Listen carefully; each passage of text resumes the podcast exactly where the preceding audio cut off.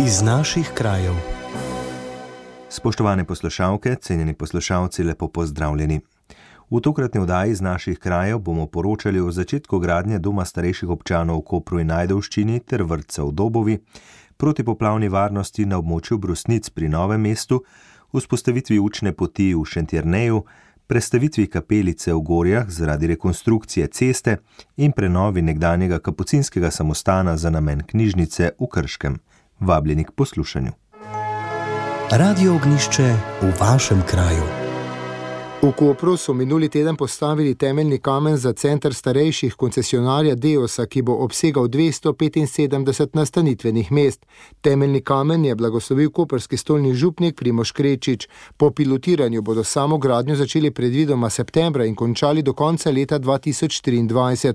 Prve stanovalce pa naj bi dom za starejše sprejel januarja 2024, je pojasnila glavna direktorica Deosa Irena Vincek. Bosta dve enoti za osebe osebe z demenco in atrijski vrt. In v nadstropjih bojo pa enote v bistvu razdeljene na gospodinske enote. V teh gospodinskih enotah bo manjše število sob, tako da bojo imeli skupni prostor, skupno kuhinjo in pa svoje sobe za intimo. Ne? Ko bojo si pa želeli druženja, bojo prišli v skupni prostor. Tako da bojo na podlagi gospodinskih skupnosti deloval celoten dom. V pritličju bo seveda tudi kuhinja, pa velika jedilnica, delovna terapija, pa fizioterapija terapija in kavarna, kjer bo možno tudi srečevanje in klepet ob kavi. Veliko bo tudi zelenja na zunanjih površinah, torej pred domom park s prehajalnimi potmi in za domom bo tudi en manjši park. Je povedala glavna direktorica Deosa Irena Vincek. O polni zasedenosti doma bo v njem približno 140 zaposlenih, pri čemer v Deosu delajo tudi na pridobivanju novih kadrov. Kot je navedla direktorica, ponujajo kadrovske štipendije in izobraževanje za socialne oskrbovalce, vsem zaposlenim pa omogočajo tudi došolanje za različne profile. Slovesnosti se je udeležil tudi minister za delo, družino, socialne zadeve in enake možnosti Janez Cigler Kralj. Ta je ob robu dogodka ocenil, da se je vlada sistemsko lotila investicij v domove za starejše tako s financiranjem iz državnega proračuna, ki so ga povečali glede na prejšnja leta, kot tudi iz evropskih skladov in s podeljevanjem koncesij. Tak najbolj znan je sklad EU React, ki je bil hitri odziv Evropske komisije in vseh nas na to pandemijo in je namenjen predvsem temu, da se obstoječe kapacitete, da se njihov nivo dvigne. To pomeni, ukinjamo 3, 4, 5 in več posteljne sobe in delamo eno in dvo posteljne. In tudi eh, veliko bolj sodobne domove, ki so tudi lahko rečem, arhitekturno, arhitektonsko primerni, omogočajo boj proti virusom in tako naprej. Normalno življenje, dostojno. Tretji način, ki eh, smo ga pa tudi eh, se poslužili, je pa podeljevanje koncesij. In v teh dveh letih smo dvakrat podelili koncesije, eh, prvič 1280 mest, drugič, to pa pred kratkim, pa še 1100 mest. In nekako držimo, lahko rečem, eno ravnoteže, ki je že zdaj v javni mreži domov za starejše ali pa javni mreži oskrbe starejših, je nekje polovica državnih oziroma javnih izvajalcev, polovica pa koncesionarjev. To pomeni zasebniki s koncesijo, vsi pa so del javne mreže in mi držimo to ravnoteže, kajti država lahko močno zažene investicije, ne more jih pa tako, da bi zadosila vsem potrebam, še posebej po žal lahko rečem, desetletju zapostavljenosti tega sektora. Cigler kralj je ocenil še, da je na podlagi njihovih analiz dejansko 4000 do 5000 čakajočih na sprejemo domove. Po celi Sloveniji imajo trenutno odprtih 125 gradbišč oziroma projektov obnove, novograden ali koncesijskih projektov. S temi bodo, ocenjujejo, lahko odgovorili na te potrebe za naslednje desetletje. Je dejal minister in ob tem povdaril, da je v Sloveniji vsak, ki potrebuje institucionalno skrbo, to tudi dobi ne glede na njegove dohodke. Ukolikor sam ali njegovi bližnji ne morejo plačati oskrbe, jo plača oziroma doplača občina. Temeljni kamen za gradnjo novega doma starejših občanov Kresnice pa so v minulem tednu položili tudi v Ajdovščini. V novem domu bo lahko bivalo 149 starostnikov v 111 eno- in dvopostenih sobah.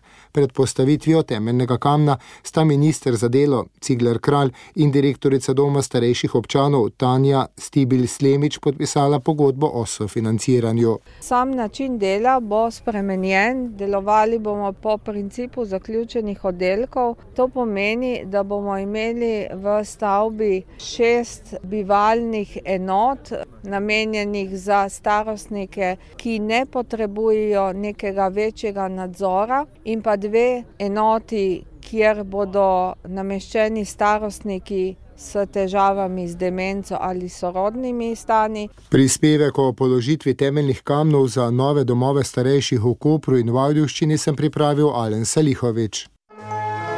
Radio ognišče v vašem kraju. Na območju Brusnic pri Novem mestu bodo okrepili protipoplavno varnost. Poplavna varnost naselja Brusnice je bila v zadnjem času ena izmed največjih ovir za razvoj te doline, tega kraja. Dejstvo je, da tukaj imamo tri vodotoke, torej Šumeči potok, Vrtaški potok, ki se potem skupaj združujete v Brusničico. In v tem območju vseh treh potokov se bojo sedaj izvedli protipoplavni ukrepi, ki bojo seveda omogočili, da na dolgi rok lahko tudi kraj se normalno razvija, da se lahko načrtujejo investicije tako zasebne kot javne in seveda s tem v prihodnih letih kvalitetno izboljšujemo možnosti razvoja tega območja. Je pojasnil novomeški župan Gregor Macedoni. Pred kratkim je z direktorjem Direkcije za vode Romanom Kramerjem podpisal sporazum o izvedbi naložbe. Tu gre za suhe zadrževalnike in za ureditev treh potokov. Nekako predvidena vrednost je 3 milijone evrov, kjer je predvideno, da občina pripravi vse do gradbenega dovoljenja in v tem času zalaga ta sredstva, potem pa jih država oziroma Direkcija Republike Slovenije za vode refundira in kot investitor izvede projekt do konca. Ne. Je sporočil Kramer. Če ne bo zapletal pri pridobivanju dokumentacije in izvedbenem razpisu, bi prva terenska dela lahko stekla v drugi polovici prihodnjega leta. Zahteven projekt naj bi bil sklenjen najpozneje do leta 2025, pristojni upajo, da se bo to zgodilo že prej. Ukrepe, s katerimi območje brusnic ne bodo več ogrožale tako imenovane stoletne vode, je pozdravil tudi predsednik krajivne skupnosti Ivan Kralj. Prepričan je, da bo naložba olajšala življenje tamkajšnjih prebivalcev. Prispevek sem pripravila Helena Križnik. Radio ognišče v vašem kraju. Malčki in predšolski otroci v Dobovi so se pred kratkim razveselili uselitve v novi vrtec Najdi Hojca pri osnovni šoli dr. Jožeta Toporišiča. Vrednost energijsko-varčnega vrtca je približno 2 milijona evrov. Ima pet oddelkov, od tega so tri igralnice v pritličju, dodatni dve v nadstropju. Novogradnja je obsegala rušitev obstoječega objekta, izgradnjo novega objekta, izgradnjo opornega zidu ter stopnišča do spodnjih igrišč in parkirnih prostorov. Več kot 80 otrok je svoj prvi dan preživelo v novem vrtu le dan pred uradnim odprtjem, ki je bilo 17. marca. Župan občine Brežice Ivan Molan je v nagovoru zbranim povedal, da je osnovna naloga občine, da vsem otrokom, ki si to želijo, omogoči vpis v programe vrca pod enakimi pogoji. V Brežiški občini je v vrtce vključenih približno 900 otrok, za katere skrbi 190 zaposlenih v osmih vrtcih pri osnovnih šolah. Od tega je ena podružnična kapele in v enem samostojnem vrtcu Maurica Brežice. Na letni ravni znaša vrednost programov predšolske vzgoje v občini 5,6 milijona evrov, kar preračunano pomeni, da je za enega otroka potrebno na letni ravni zagotoviti dobrih 6200 evrov oziroma mesečno skoraj 519 evrov. Seveda se zavedamo, da je to eh, tako visoka cena, kateri si starši ne bi mogli privoščiti, zato vsako leto občina nameni 3 milijone 700 eh, evrov za to, da doplačuje staršem razliko do polne cene, prav tako pa od lanskega leta Eh, tudi vlada namenja eh, dodatno 500 tisoč evrov za drugega in tretjega otroka. Eh, s tem seveda zagotavljamo visoko dostopnost staršem do predšolske vzgoje, prav tako pa seveda tudi kvalitetno vzgojo predšolskih otrok. Tako v občini Brežice lahko rečem, da je danes vključenih več kot 80% otrok v naše vrste. Državni sekretar Marjan Dolinšek je dejal, da je vrtec pridobitev tudi za slovensko državo, saj je namenjena najmlajšim državljanom, ki so prihodnost vseh nas. Verjamem in upam, da eh, se bo ta trend, kot je bil eh, zadnje leto te vlade na slovenskem prostoru, da se bo tudi v prihodnje nadaljeval. Ravnateljica Tamara Ogorevc se je zahvalila vsem sodelavcem za pomoč pri selitvi v novi vrtec in izvedbi prireditve. Starši, otroki in zaposlenimi je delila veselje ob odprtju vrtca. Otrokom nudi veliko urejenih zunanih površin za igro in gibanje na svežem zraku. Sedaj imajo otroci možnost izhoda na terase iz igralnic. Same igralnice pa so opremljene s sodobnimi učili in pripomočki, so zelo svetle in prostorne. Dolgoletna ravnateljica osnovne šole dr. Jožeta Toporišiča Ivana Baškovič, ki je v tem letu z upokojitvijo sklenila uspešno vodenje šole in vrca, je dejala, da jo dogodek navdaja z veseljem, saj je bil nov vrtec težko pričakovan. Res neverjetno, ker so bile razmere v starem vrtu res nevzdržne. No, uh, smo veseli, da je tako vse lepo izpadlo, da imamo lepo igrišče, lepe, svetle igralnice, kar si, si otroci na svetu zaslužijo, da, da imajo tako lepo, kot imajo naši. S podelitvijo plakete občine Brežice se je nekdani ravnateljici župan zahvalil za uspešno vodenje vrca in šole ter za izjemen prispevek na področju predšolske vzgoje in izobraževanja v Brežiški občini. Novi ravnateljici pa je zaželel nadaljevanje uspešnega vodenja vrca in šole. Prispevek sem pripravila Petra Stopar. Radio ognišče v vašem kraju. V Šantjerneju so pred dnevi odprli več kot 800-metrsko učno pot, ki jo je tamkajšnja občina s pomočjo projektnih partnerjev uredila na območju tamkajšnje osnovne šole in vrca. Šantjernejska učna pot, jaz mislim, da ima večkratno funkcijo, se pravi kot park. Kot igrišče in kot zunanja površina, ki jo šola lahko, uh, ki jo lahko uporablja kot v bistvu za učne, učne potrebe.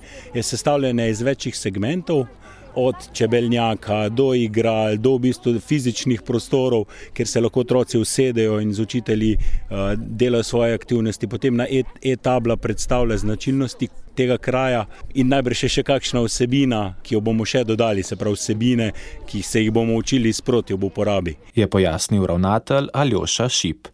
Omenjena učna pot predstavlja občino v Malem, Glavni cilj projekta je ohranitev ogroženih rastlinskih in živalskih vrst ter habitatnih tipov v povezavi s kulturno dediščino. Otrokom in drugim občanom pa želijo z njo približati naravovarstvene in kulturno-varstvene vsebine brez nepotrebnega poseganja v varovano naravno in kulturno dediščino. Direktor Šentjernejske občinske uprave Samo Hudolin je o vrednosti projekta dejal. Seveda zdaj zaradi samih različnih prilagoditev, izboljšav tekom projekta, je ta vrednost nekoliko narasla in je eh, skupna vrednost, bom rekel, končna vrednost celotnega projekta 318 tisoč evrov z DDV. Od tega je občina Šentjernej, bom rekel, na občino Šentjernej palo slabih 70 odstotkov, ostalo pa na ostale partnerje projektov, ki so eh, vrte Čebelica, osnovna šola Šentjernej, društvo čebelarjev in pa družina oziroma podjetje Cerjak Brod. Projekt je med drugim obsegal obnovo lesenega kozovca oziroma toplarja in vodnjaka, ohranitev starih sort hruške, zasaditev medovitih zelišč, dišavnic, grmovnic in različnega drevja. Zasadili so tudi vinsko trto in zgradili brajdnik. Prispevek sem pripravil Rok Mihevc. Radio ognišče v vašem kraju. Prebivalci Gori so bili pred kratkim priča prav posebnemu dogodku, predstavitvi 140 let stare Jenskotove kapelice. Stala je namreč na trasi državne ceste med Bledom in Jesenicami, ki je trenutno v fazi rekonstrukcije. Več kot 2 milijona evrov vreden projekt je predstavil župan Petr Torkar. Gre za odsek nekaj daljši od enega kilometra. V tem območju bomo zgradili kompletno vso infrastrukturo, od odvajanja fekalne kanalizacije, meteorne kanalizacije, javna razsvetljava svetljava, pločniki, vsi komunikacijski vodi, tako da na koncu bo cesta širša in pa zagotovljena bo tudi za varnost pešcev. Za kapelico s kipom Marije z Jezusom in dvema angeloma so zato v Gorjah našli novo lokacijo. Od prostora, kjer je stala od leta 1882, je oddaljena 20 metrov. Gre za posebno mesto v središču vasi in na križišču poti, ki bo urejeno stopniščem in zatravitvijo.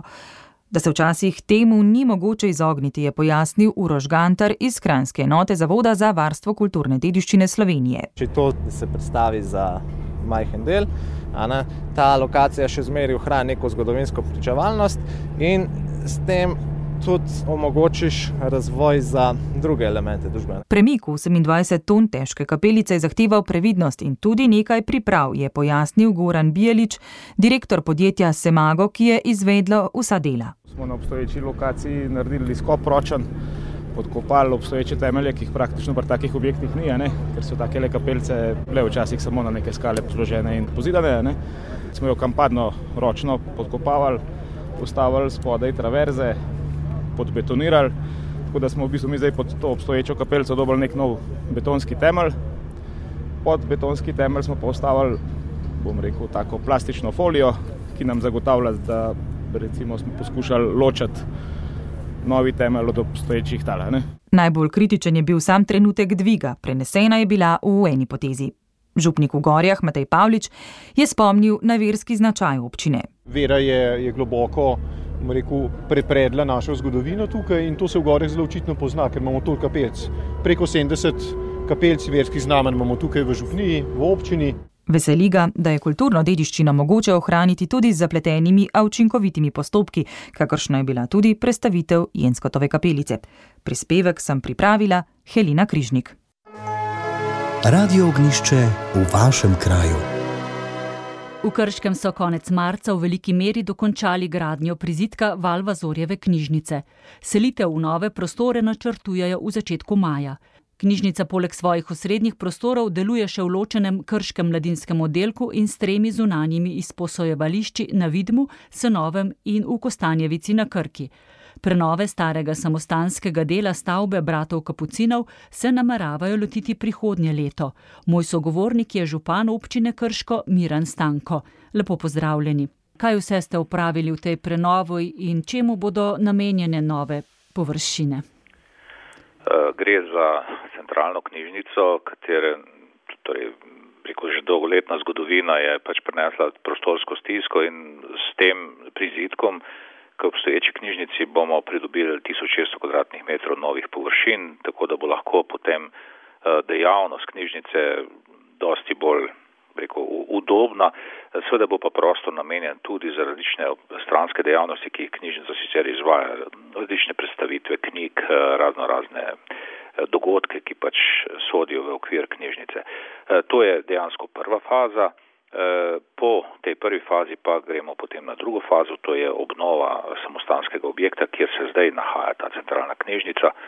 Eh, ko bo ta obnovljen, bo potem knjižnica obsegala celotno površino tako prizidka, kakor tudi eh, tega obnovljenega samostanskega kompleksa. Torej sam prizidek je nekje okrog 4,4 milijona evrov, katerega večino investicije financirala občina svojega proračuna, deloma pa smo pridobili tudi sredstva iz ekosklada, nekaj manjšega, torej manjši del. Čaka nas seveda še drugi del investicije v obnovo samostana, ki bo pa tudi nekaj okrog 3 milijone evrov. In zakaj ste se odločili, da v teh prostorih ostanete, ki so vendarle kar velik finančni zalogaj? Torej, eh, mi smo imeli sicer eh, prvotno načrt, da bi eh, zgradili popolnoma nov objekt, sicer tudi v starem mestnem jedru. Investicija bi znašala skoraj da nekaj takega kot ta, vendar pa bi ob tem izgubili to, bi rekel, jaz rečem temu, kar enostavno dušo ki jo nosi tak star objekt, kot je kapucinski samostan. Eh, vsi, se, ki uporabljajo knjižnico, se zelo pohvalijo s tem, da je ta objekt ima neko mehkobo, eno toplino, ki pritiče knjižnici. In zato eh, to je bilo prvi razlog, da smo želeli pač ohraniti te prostore. Drugi razlog je pa bil ta, da če bi se mi eh, umaknili iz knjižnice kot občina, bi potem praktično prišlo do tega, da bi kapucinski samostan začel propadati in to bi bila velika škoda, ker gre za en dragocen objekt, če upoštevamo še ob tem, da je v objektu tudi stara nekaj stolet stara kni, knjižnica, ki je kapucinska knjižnica, se pravi s temi starimi knjigami. Skratka, gre za cilj je bil ohraniti obstoječi objekt kapucinskega samostana in mu dodati še neko novo vsebino. Zato moram reči, da je ta ideja oziroma ta predlog je bil zelo dobro sprejet. Najbrž so uporabniki zadovoljni in navdušeni nad tako lepimi in z dušo opremljenimi prostori. Valvazora knjižnica se tam nahaja nekje od leta 1988 in je bilo doseženo s kapucinskim redom, da lahko uporabljamo te prostore v zameno, da prostore tudi obnovimo in jih primerno vzdržujemo. No in ta sistem pravzaprav teče naprej. Moram reči, da smo s eh, kapucinskim redom dosegli tudi eh, dober sporazum, da smo odkupili praktično večino samostana razen eh, crkve in pa manjših prostorov, ki jih uporabljajo še kapucinski, torej kapucinski red jih še uporablja. Redovniki kapucini so se prvič nastanili v Krškem leta 1644. V teku desetletij je nastala znamenita baročna kapucinska knjižnica. Prispevek sem pripravila Meta Potočnik. To je bilo v današnji oddaji, ki sem jo uredil Andrej Šinko vse. Če ste del zamudili ali bi prisluhnili še enkrat, vabljeni v Audiorju Radio Ognišče, sicer pa hvala za pozornost in lep pozdrav do prihodnega tedna. Poslušali ste oddajo iz naših krajev.